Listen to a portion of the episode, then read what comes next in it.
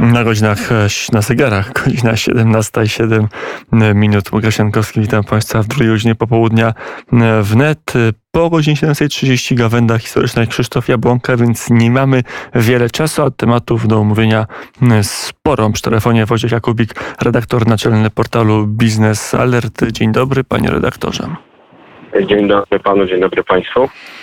No to zabierzmy się za ceny energii, ale e, może zanim ta ekonomia i może zanim to, co będzie doskwierać jeszcze bardziej każdemu z nas, czyli rachunki za prąd, za energię, za ogrzewanie e, przede wszystkim, to trochę polityki w czwartek ma dojść do rekonstrukcji rządu spowodowanej odejściem e, z tegoż z Rady Ministrów pana wicepremiera Jarosława Gowina. Ma także się zmienić minister, minister energii, ma odejść Michał Kurtyka, a za niego ma przyjść Anna Moskwa. Co taka zmiana by oznaczała dla polskiej energetyki?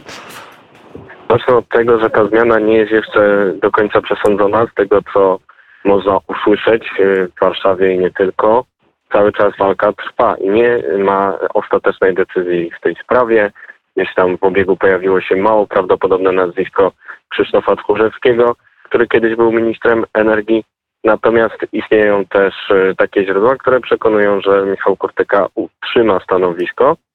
E, z punktu widzenia długofalowości polityki energetycznej na pewno byłoby to wskazane, ponieważ e, Polacy muszą mierzyć się z ministrami, którzy pracują dziesiątki lat w jednym miejscu, z prezesami jak prezes Gazpromu, którzy kilkadziesiąt lat zajmują stanowisko. U nas też taka stabilność byłaby jak najbardziej e, wskazana, ale zakładając, że dojdzie do zmiany, e, będzie ona e, raczej mniej istotna z punktu widzenia polityki energetycznej państwa, bardziej z punktu widzenia polityki wewnętrznej partii rządzącej. A właśnie, o to chciałem zapytać, na ile to jest debata o personaliach, która frakcja, którą frakcję wyprzedzi albo kto kogo zastąpia, na ile mhm. za tymi nazwiskami kryje się jakieś niuanse być może albo istotne różnice merytoryczne? Najwięcej krytyki ministra y, Kurtyki y, płynęło właśnie ze strony Solidarnej Polski, czyli Stronnictwa Zjednoczonej Prawicy, które opowiada się za y, bardziej stanowczą polityką energetyczną Polski, zachowawczą polityką klimatyczną, obroną węgla. Polska tymczasem prowadzi tę transformację energetyczną z lepszym lub gorszym szczęściem. Minister Kurtyka zgodził się na postulaty nowe postulaty polityki klimatycznej w zamian za wsparcie. Ta linia jest krytykowana.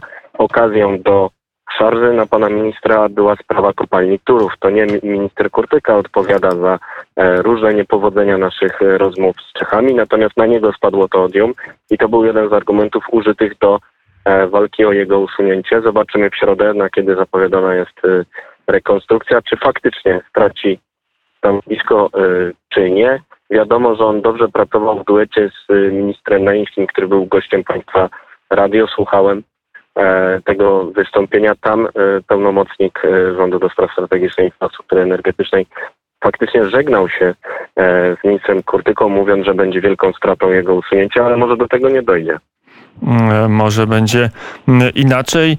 A na ile jest tak, że być może Michał Kurtyka no, nie był ministrem, który jakoś tak w sposób należycie odpowiedni dla Prawa i Sprawiedliwości dbał o te podstawowe interesy, takie no powiedzmy żywotne interesy polskich odbiorców energii, którzy, które w tej chwili są zagrożone, bo jeżeli ceny surowców energetycznych, ceny energii i ciepła będą tak szybować jak do tej pory, no to być może grupa osób ubogich energetycznie nam skokowo wzrośnie i to będzie bardzo trudna e, zima, bardzo trudny sezon grzewczy w wielu polskich domach. To będzie trudna zima w wszystkich polskich domach, bo wisi nad nami kryzys gospodarczy, który odczujemy wszyscy, nie tylko najubożsi energetycznie. Natomiast y, akurat spór o kryzys energetyczny powinien e, e, ominąć samego ministra Kurtyka. Resort Klimatu od dawna pracuje nad regulacją, która ma wspierać e, najuboższych, jeśli chodzi o ceny energii. Nie ma miejsca w budżecie na globalne rozwiązanie znane z 2018 roku, kiedy zostały zamrożone ceny energii na całym rynku. Rzeczywiście nie widzieliśmy na rachunku e, wzrostu cen, ale był on widoczny inaczej. Oczywiście w gospodarce takie wymierzone rozwiązanie, forma pomocy społecznej, dopuszczona też przez Komisję Europejską, jest rozważana na e, poziomie europejskim. Rada Unii Europejskiej w dniach 20-21 października będzie rozmawiać między innymi o tym. No i doświadczenia Polski będą tutaj cenne.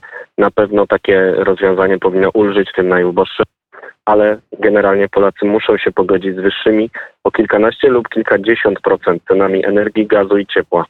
Mm, a jak się coś, jak się nie pogodzą, jak nagle się okaże, że to jest sprawa, która żywotnie godzi mm, w poparcie partii rządzącej, bo suma summarum partiom politycznym o to chodzi, aby mieć jak największe poparcie, by wygrać wybory, a tego typu sytuacja może PiSowi tego nie ułatwiać.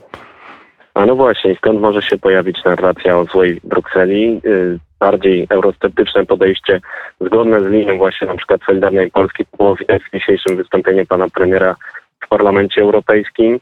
Nie z jednej strony oczywiście bronił europejskiego kursu Polski, nie, nie mówił, że nie ma mowy o żadnym polexicie, ale z drugiej strony bardzo mocno atakował instytucje inne za próby federalizacji Europy. Widać, że taki suwerennościowy ton, znany właśnie z wystąpień polityków Solidarnej Polski, mocniej wszedł też do słownika pana premiera, na pewno nie przypadkowo, no bo jeżeli coś złego się stanie, jeżeli kryzys energetyczny faktycznie odczujemy, a odczujemy, no to można oskarżyć całą, zrzucić całą winę na przykład na e, Komisję Europejską i złe instytucje bezosobowe, które z Brukseli nam to zaserwowały. No ale fakt jest taki, że nasza energetyka za mało się zmieniła w ostatnich latach i teraz jest bardziej wystawiona na ten kryzys. Przez to właśnie, że na przykład jest bardzo wystawiona na rosnące ceny uprawnień do emisji CO2, bo przez wiele lat twierdziliśmy, że status quo węglowy jest do obrony, a teraz się okazuje, że nie do końca. No i tu znowu przyjdą krytycy ministra Kurtyki, którzy powiedzą, że przecież węgiel da się obronić, że teraz kryzys energetyczny pokazuje, że cała ta transformacja nie miała sensu. Oczywiście nie do końca tak jest. Transformacja y, ma sens, Polska może nawet na niej e, zarobić, natomiast y, potrzebna jest długofalowa polityka reform, która nie do końca nam wychodziła z III Rzeczpospolitej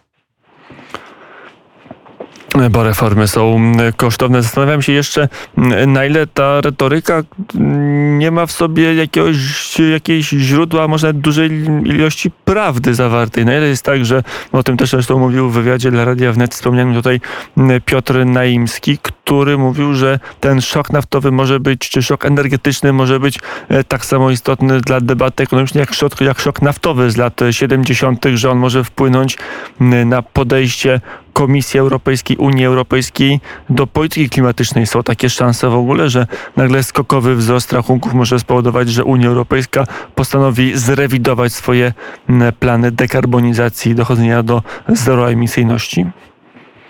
Ten kryzys na pewno pokazał, że bezpieczeństwo to jest ważne w energetyce, nie tylko opłacalność ekonomiczna i środowisko, ale też trzeci wierzchołek definicji bezpieczeństwa energetycznego, czyli twarde bezpieczeństwo dostaw, stabilność dostaw to jest niezbędne. Do tego nie wystarczą odnawialne źródła energii, potrzebują zabezpieczenia.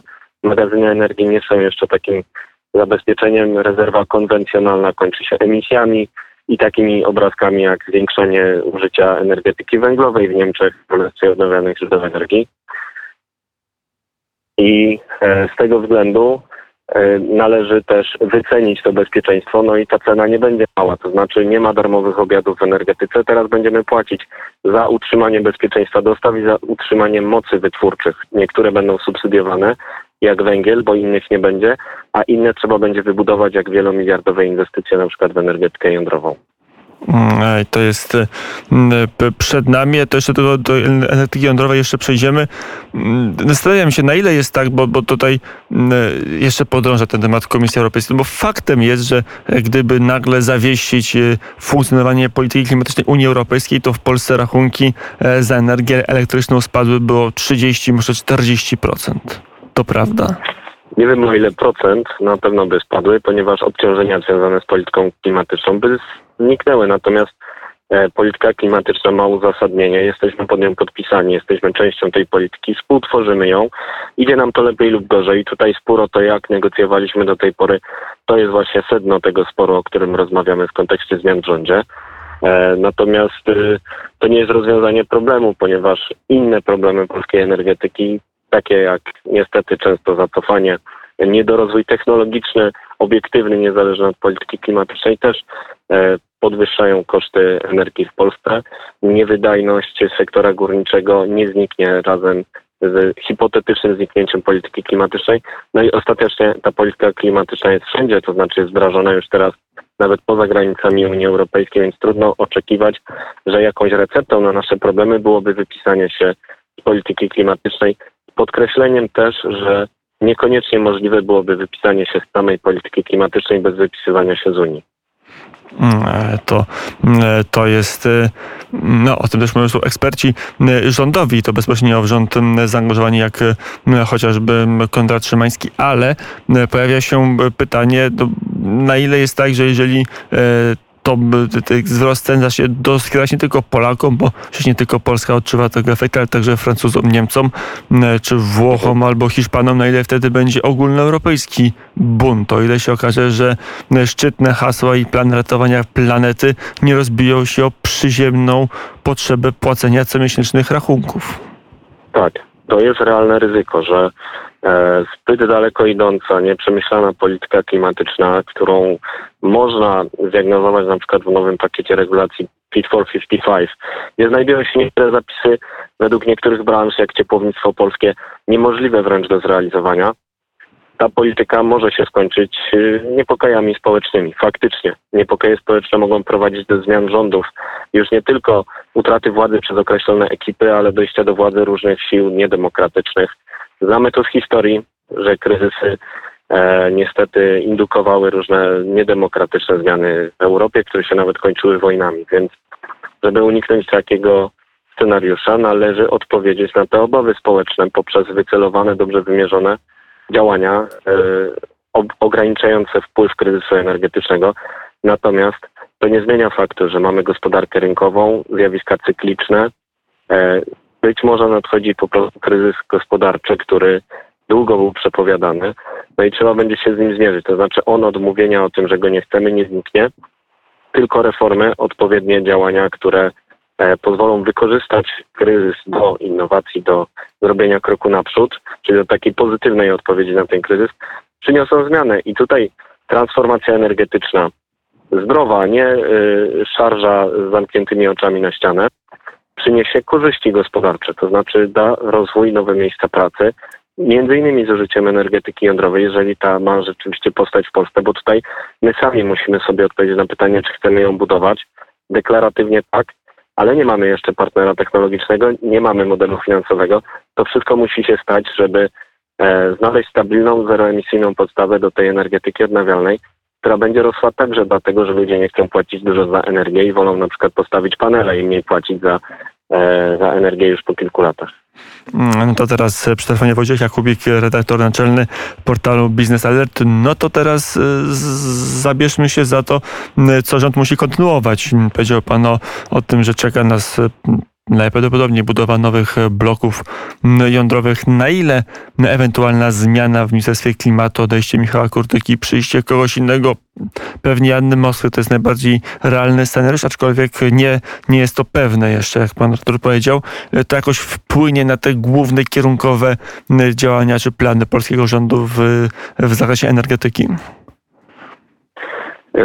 Energetyka jądrowa to domena pełnomocnika rządu do spraw strategicznej infrastruktury energetycznej nawet jeżeli zmieni się minister klimatu, to wydaje się, że ten element polityki e, pozostanie poza jego kompetencjami, więc prawdopodobnie będzie elementem stałym. Nikt nie mówi o usuwaniu ministra Naimskiego wspomnianego, więc ten kurs na tą powinien, prawdopodobnie będzie kontynuowany. Bardzo ważne jest to, żeby faktycznie doszło w końcu do wyboru tego partnera, bo miało do niego dojść w 2021 roku, teraz mówimy o 2022. Ten projekt ma już kilkadziesiąt lat opóźnienia, patrz z punktu widzenia całej historii wolnej Polski po 1989 roku.